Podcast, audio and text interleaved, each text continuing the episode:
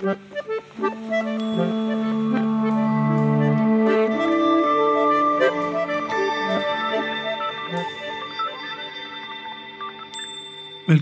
til podkasten Ytringsklima. Her snakker vi sammen om hvordan folk snakker sammen i organisasjoner.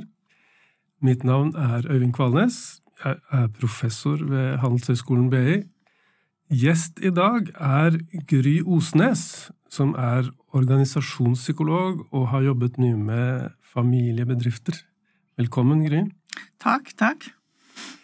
Eh, jeg tenkte vi skulle snakke litt om hvordan ytringsklima kan være i familiebedrifter, eller sammenhenger hvor folk både er eh, skal jobbe sammen profesjonelt, men så er de også søstre og brødre, onkler og tanter, fettere og kusiner, mødre og fedre.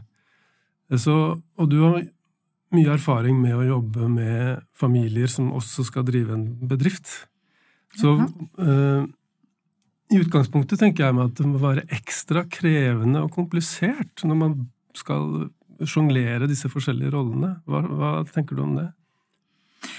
Jo, det er det absolutt. Det er, og det er som du sier, det er rollene det starter med i forhold til at det er komplekst. Det gjelder da både ytringsklima i familien som, og klargjøring av roller. Og de kan være ganske kompliserte. Eh, og så har det stor påvirkning på, eller kan ha stor påvirkning på, ytringsklima internt i bedriften. Nettopp. Eh, men hvordan er det å være uenig eller å yte motstand til hverandre internt hvis man også er eh, i familie med hverandre?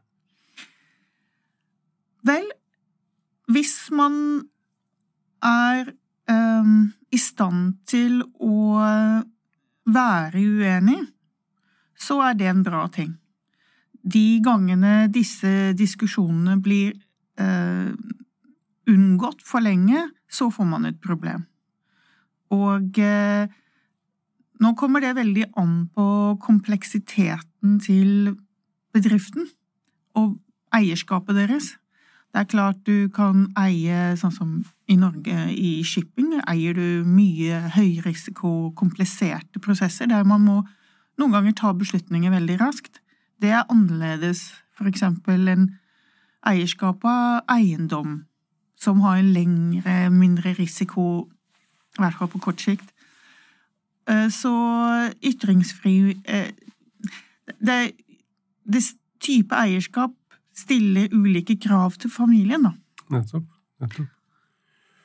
Men hvordan er det for eksempel for søsken å utfordre far eller mor, da? Er det eh, Går det hett for seg? Ja, men kanskje mindre nå i de siste 10-15 årene enn det vi kanskje sånn tradisjonelt tenkte på det. Vi lever jo i en veldig sånn omskiftende verden.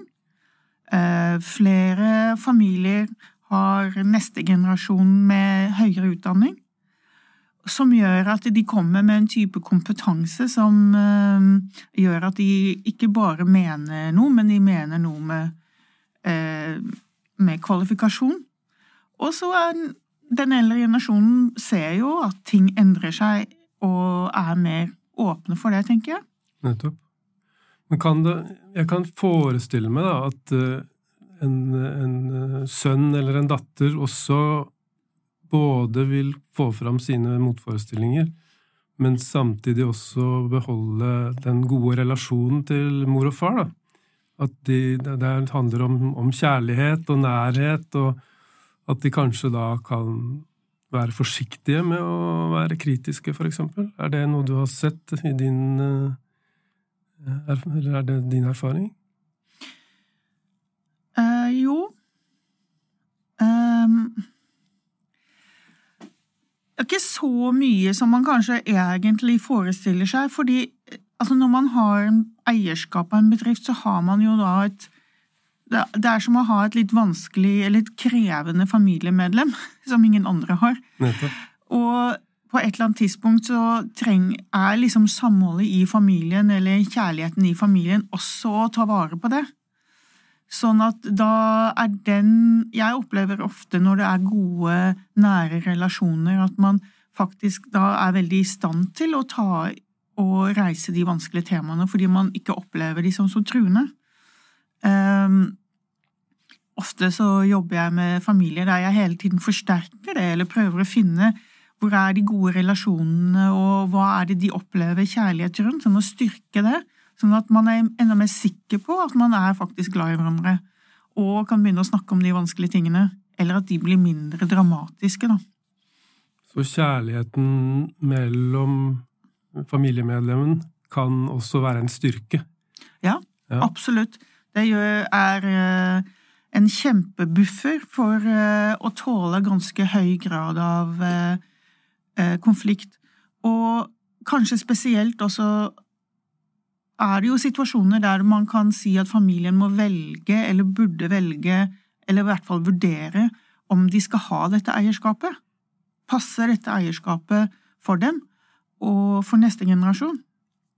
Og da å vite at man uansett er veldig glad i hverandre, å holde på de relasjonene, gjør at den diskusjonen er mye enklere.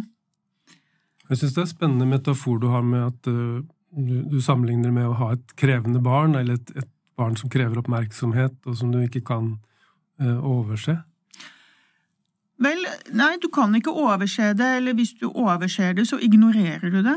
Det er der den kompleksiteten av type bedrift er ganske viktig, fordi eh, visse typer eierskap har mye lengre sykluser, men for eksempel, sånn som jeg sier, veldig høy teknologi der det er høy grad av konkurranse eller risiko, er jo, da er jo familiebedriften der som et sånn pulserende objekt.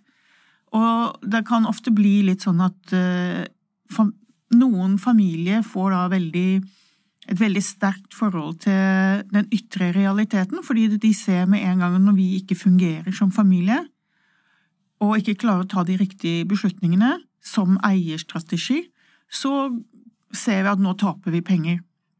Så noen familier jeg har vært borti, har nok en mye høyere grad av eh, konflikttoleranse, da, og kan ta veldig vanskelige diskusjoner seg imellom. Fordi de vet at hvis de ikke gjør det, så begynner dette familiemedlemmet å bli et problem. Ikke sant? De taper penger, eller de tar ikke Nettopp. Så det fins en eh, De har insentiver til å gjøre dette på en skikkelig måte ja. til å ha det som jeg har kalt for vennlig friksjon. Da. At ja. man faktisk eh, utfordrer hverandre. Ja, og ja, jeg, altså noen For å bruke litt de gode eksemplene, da. Altså, det er jo noen familier som lærer seg til å krangle. Ja. Sånn at de vet at uh, hvis vi nå krangler om dette, så er vi, allikevel, vi er såpass forskjellige at da etter hvert så begynner vår måte å tenke på dette til å konvergere mot en ny posisjon.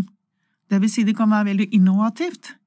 Hvis vi som eh, to eiere mener to forskjellige ting og har to forskjellige perspektiver, og vi krangler oss gjennom dette, så vet vi fra erfaring at ja, om vi kommer på en mer innovativ løsning. Og det har vi sett et par ganger. Nettopp. Uh, og det får meg til å tenke på dette begrepet psykologisk trygghet. da. Ja. At uh, innad i familien så, så, er det trygt å utfordre hverandre og være tydelige og direkte. Ja. Mm.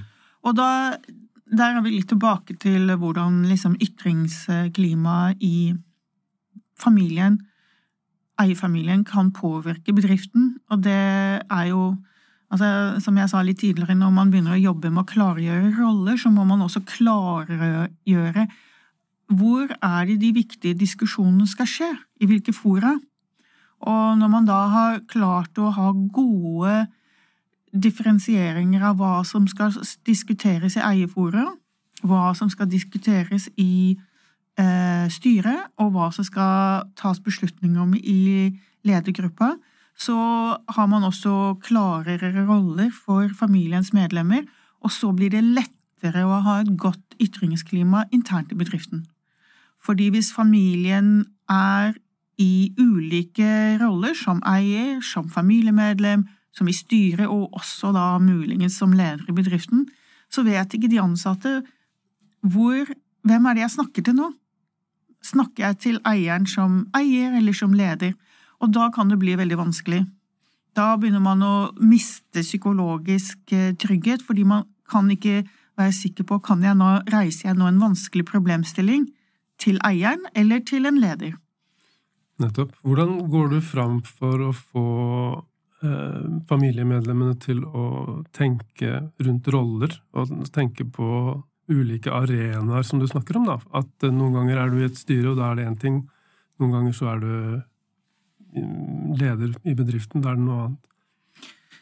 Vel, det er egentlig ikke så veldig vanskelig, fordi en av grunnene til at folk blir veldig lite klar over rollen, er at de er veldig målorientert og fokusert på det de gjør. At de slutter å tenke at nå er jeg i denne type rollen, og nå må jeg tenke sånn og sånn. Og så har man da litt vanskelig for å løfte blikket litt og si at ja, men nå må jeg passe på at nå er jeg i det fora eller på denne arenaen eller på en annen arena. Nå har man i Norge aksjeloven som krever av de fleste større bedrifter å ha et styre, og det gjør det litt enklere. Hvis du drar sånn som når jeg jobber i utlandet, så er ikke det en selvfølge. Så da må man begynne å lage disse klargjøringene av roller, og de fleste familier synes det er en stor lettelse å få noen inn til å gjøre disse tingene. Noen ganger så synes de i etterkant at ja, dette var jo litt åpenbart, men vi trengte allikevel noen fra utsiden til å tydeliggjøre hva er eierforum, eiermøte i forhold til styret, for eksempel. Men dette krever en slags disiplinering, gjør det ikke det, fra familiemedlemmene? Jo, det kan man jo si. Det er mer enn eh, Det er litt mer sånn å tenke hvordan er det systemer foregår? Ikke bare tenke så veldig mye individ eller min kompetanse eller min psykologi eller Men å tenke roller, ja. Mm. Spennende. Eh, du har fortalt meg at du har en en slags uh, hypotese om at familiebedrifter kan være ekstra uh, viktige for å uh, tenke bærekraft i næringslivet. hva er det som gjør at familiebedrifter kan være ekstra jeg vet ikke, kraftfulle i å jobbe med bærekraft, tenker du? Vel, Altså Det som ofte har blitt sett på som et problem for familiebedrifter, er jo generasjonene og dialogen mellom de, og det man ser nå universielt, vil jeg påstå, i hvert fall i Europa og Amerika, er at uh, den yngre generasjonen er veldig, veldig opptatt av uh, uh, klimaendringer, og vil og kommer til å ta det inn i familien og i forhold til eierskapet. Ja. Det vil jeg påstå de fleste andre som jobber med dette som meg, men også forskere sier at dette kommer eh, med full fart. Og eh, da er jo den eldre generasjonen må på en måte forholde seg til det, og så kan man plutselig ta veldig mange drastiske eh, typer eh, beslutninger veldig fort. Men det, det kom opp eh, over en sak nå for ikke så lenge siden. Det er noen ganger også rekrutteringsbehovet til en familie som selv en familie som ikke, eldre generasjon som da ikke har en ung generasjon på trappene. At når de skal ut og rekruttere toppledere nå, hvis de vil ha en CEO som eh, er i toppleggerne, så må de forholde seg til eh, klimaendringene. Så det presset kommer ikke bare fra neste generasjon, men det kommer også noe i at de har et rekrutteringsbehov som har kompetanse. Nettopp. Eh, hvordan er det konkret en sånn mobilisering kan skje internt i en, en familie? Eh, du fortalte meg en historie om en, en eh, bedrift hvor yngre generasjon hadde vært på, på, kurs, var det sånn? Ja, altså det Man øh, det er jo flere eh, business schools som har nå flere programmer for neste generasjoner. Eller det er rådgivere som meg selv sånt, som jobber med søskenflokken eller en kusine-fettergruppe. og se hva er det de vil med eierskapet sitt. Og når man har de i prosesser som det, så kan de formulere kanskje litt tydeligere hva deres eh, valg er. Fordi de står jo også i en sånn valgsituasjon. Skal jeg gå inn her som aktiv eier, eller skal jeg ha en lederrolle, eller være ansatt, eller hva er forpliktelsen, eller hva slags eh, investering gjør jeg av livet mitt her? Og så, så ja, det Men det er også faktisk slik at uh, en del eiere som ikke har en sånn neste generasjon på trappene, vil si at de ofte er under 16-17 år, uh, tenker at ja, jeg forvalter denne bedriften for fremtiden. Det er en forvaltningsjobb å være eier. Og da tenker man mer enn 15 år fremover, og da tar man til seg det. Og så har man jo ikke andre aksjonærer da, eller børsen som da kan gjøre at disse prosessene blir litt vanskeligere å implementere eller rettferdiggjøre. Men hva skjer da når en, eh, den nye generasjonen har vært på kurs, og de har lært om eh, utviklingen av klima osv., så, videre, så kommer de oppglødd tilbake til familien. Eh, hva slags eh, Hvordan møtes de av de, av de eldre familiemedlemmene? Ja, det er jo ulikt, det. På samme måte som andre ja. familier. Ja. Det er jo litt sånn altså, Jeg tenker ofte det at uh, en uh, familieeier er som en vanlig familie, bortsett fra at de har dette her krevende barnet. Mm. Og det er jo litt det samme for oss alle. Vi har eh, yngre medlem, barna våre kommer og sier 'hvorfor er du på fly nå', eller 'kjøper du plastflasker', ikke sant?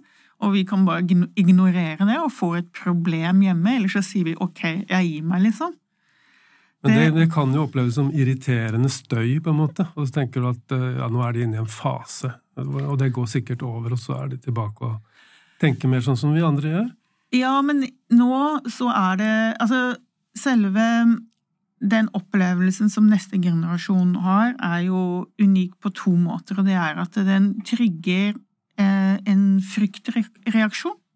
Det er man får frykt for fremtiden og egen helse og eget liv.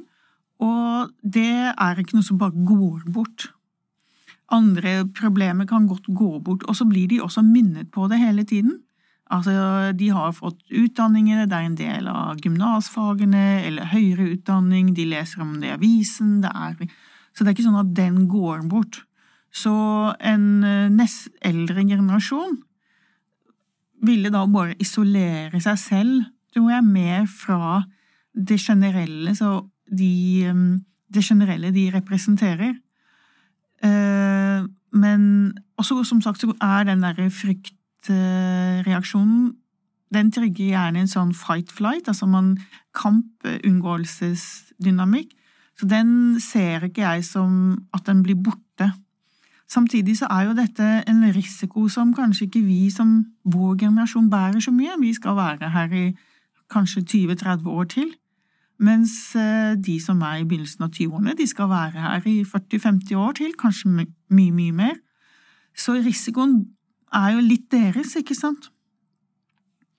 Men, men klarer de å vekke oss i vår generasjon, tenker du? At, fordi sammen, Jeg syns det er veldig interessant å sammenligne det med ja. samtalen som skjer rundt middagsbordet, ja. hvor du har en irriterende tenåring som ja. utfordrer deg på reisevanene dine, eksempel. Og så tenker du at ja, det, det foregår nå, men det, hun vokser seg av det, og så blir hun mer sånn som oss.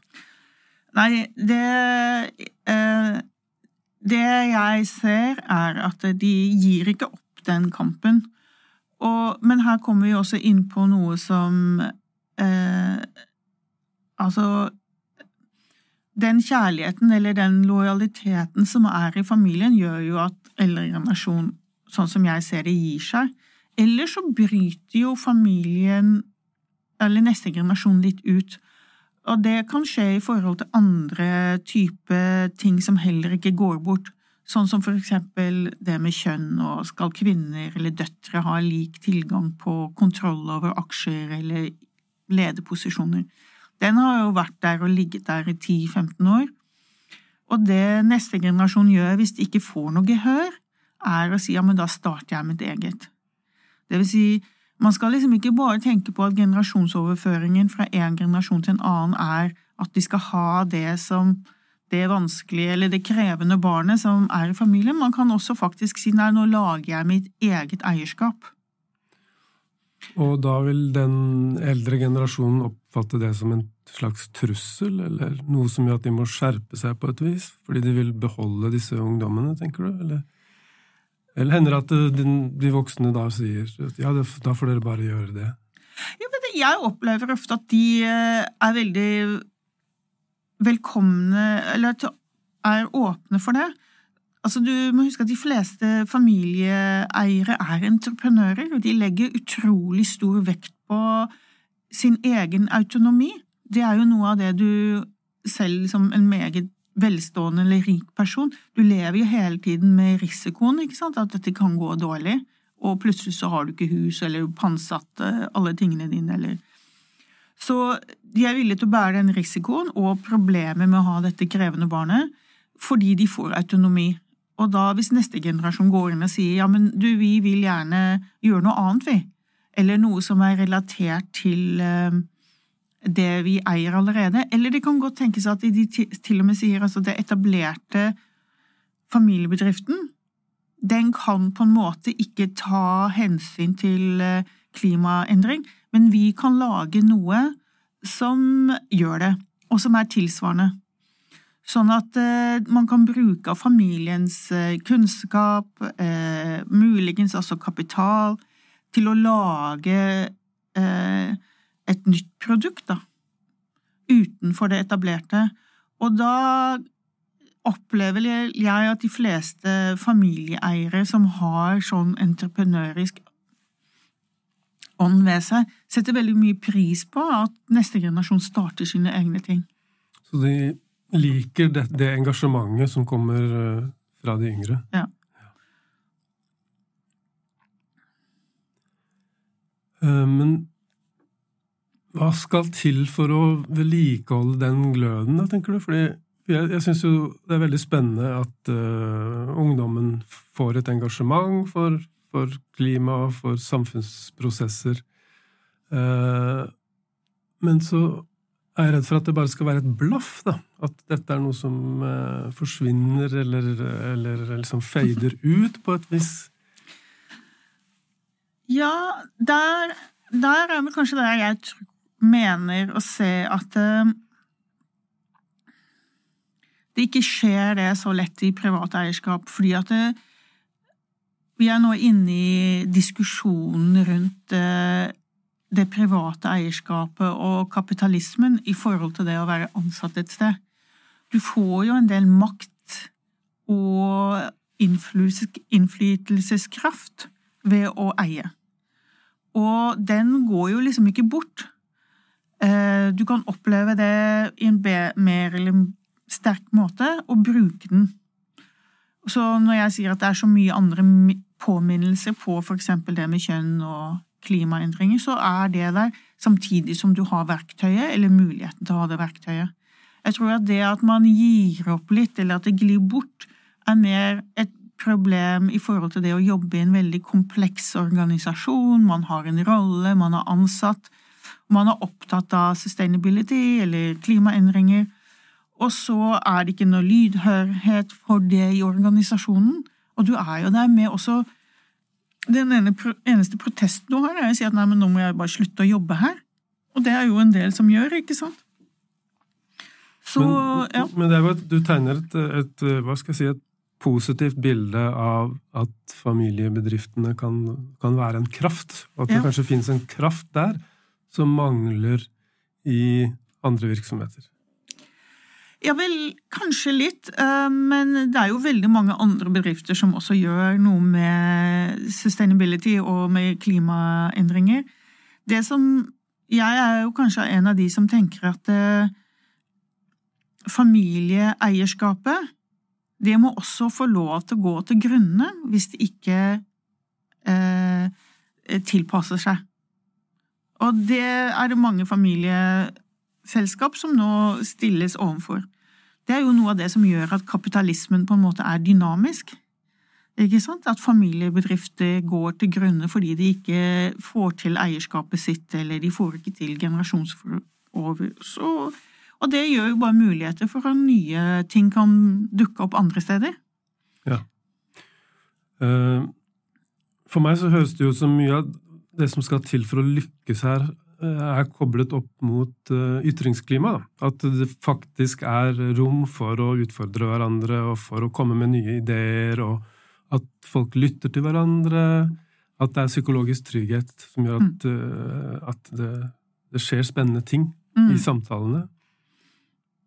Ja, og det er jo kanskje noe av det som noen ganger er problematisk for en familie. At det, eh, det skaper jo mye nærhet, og det kan glede av å få til ting som et team. Og at til slutt så slutter de på en måte å snakke om andre ting. Ikke sant? Ja, ja. Så, så, og i veldig mange tilfeller så har jo når vi gjorde noe forskning på dette, så fant vi jo at alle familiebedrifter ble på et eller annet tidspunkt, når de startet, så ble de startet på kjøkkenbordet. Av mor og far. Og dette kan liksom være sånn i Israel eller i Kina for ja, 100 år siden eller 80 år siden, så starter det på kjøkkenbordet. Man sitter og tester ut, man produserer, Eh, mor gjør regnskap og kan skifte mellom forskjellige typer roller, ta vare på barna. Eh, så det kan ta veldig stort rom i familien, og ha et veldig godt ytringsklima også. Så det er en, en, familiedynamikk som du kan se i ja. ulike kulturer? At det er likhetstrekk mellom kulturene? Ja, det er jo veldig ja. ja. Det er spennende. Eh, et, en siste ting jeg kunne tenke meg å, å høre med deg om, er uh, En ting er ytringsklima internt i familien. Mm. En annen ting er de som står utenfor familien, og som skal jobbe sammen med familiemedlemmene. Uh, hva kan de gjøre for å skape et inkluderende ytringsklima, på en måte? Hvor, hvor, man, uh, hvor dette med å være en del av familien ikke står i veien for, for god meningsutveksling? Vel, sånn helt på basisnivå, hvis jeg eh, jobber med en familie og snakker med av en eller annen grunn en leder eller en ansatt i familien, og skulle si Nei, ansatt i bedriften, som ikke er familiemedlem, så, og det er et kompleks situasjon, så vil jeg si ja, alltid husk å spørre familiemedlemmet er du her nå, eller snakker vi til deg som deg som eier, som styremedlem eller som leder eller ansatt. Bare for å minne familiemedlemmer på at dette er de fire rollene som andre kan oppleve deg i. Da har du gjort jobben med å etablere psykologisk trygghet eh, selv. Men eh, det er også i og for seg noe av det som da folk er redd for å miste, er litt den litt mer uformelle stilen som er mindre familiebedrifter. Og det skal man prøve å ta vare på. Men samtidig så må man liksom prøve å minne seg selv og andre på at hvis vi er suksessrike her og vokser, så går det bare opp til en viss størrelse. Så dette er også en sånn type ta vare på egen psykologisk eh, trygghet. Si fra nå begynner vi å bli for store til at vi kan bare ha uformelle beslutningsprosesser, eksempel. Jeg kan tenke meg at uh, de som ikke er familiemedlemmer, noen ganger kan kjenne på et slags utenforskap. da. At uh, her har familiemedlemmene vært, hatt middag sammen, og de har snakket sammen om viktige ting, og jeg og vi, er, vi andre er ekskludert fra de prosessene der. Så, så hvordan, hva kan de gjøre for å forebygge at det setter seg sånne oppfatninger. Ja, og det er igjen det jeg lærer meg å be å klargjøre roller, men det, har, det, er også faktisk en realitet at uh, en familiebedrift som har en oppegående og sterk eiergruppe, de, der vil nok eiergruppen ta mer beslutninger enn det som man kanskje ville se i en vanlig bedrift, fordi de er aktivt involvert, og fordi de ikke har andre eiere som de trenger å dele risikoen med. Så jeg pleier for eksempel å si, som for eksempel toppleder, da, at eh, når en toppleder blir rekruttert inn i familie, en familiebedrift, så bør de klargjøre er jeg faktisk da bare en eh, daglig leder her, eller er jeg en CEO? Daglig leder er mer operativ, de tar mindre strategiske beslutninger, og det er klart det er ofte det en familieeier ansetter. Og så har de da aktive strategiske roller i styret som aktive eiere.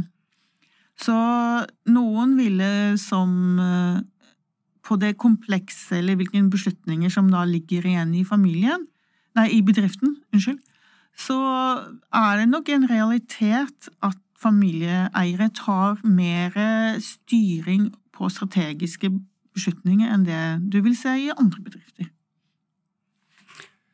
Veldig spennende. Jeg syns vi har lært mye om eh, ytringsklima i familiebedrifter. Eh, du har vært inne på rolleavklaring, og, og hadde, jeg tror det var fire punkter.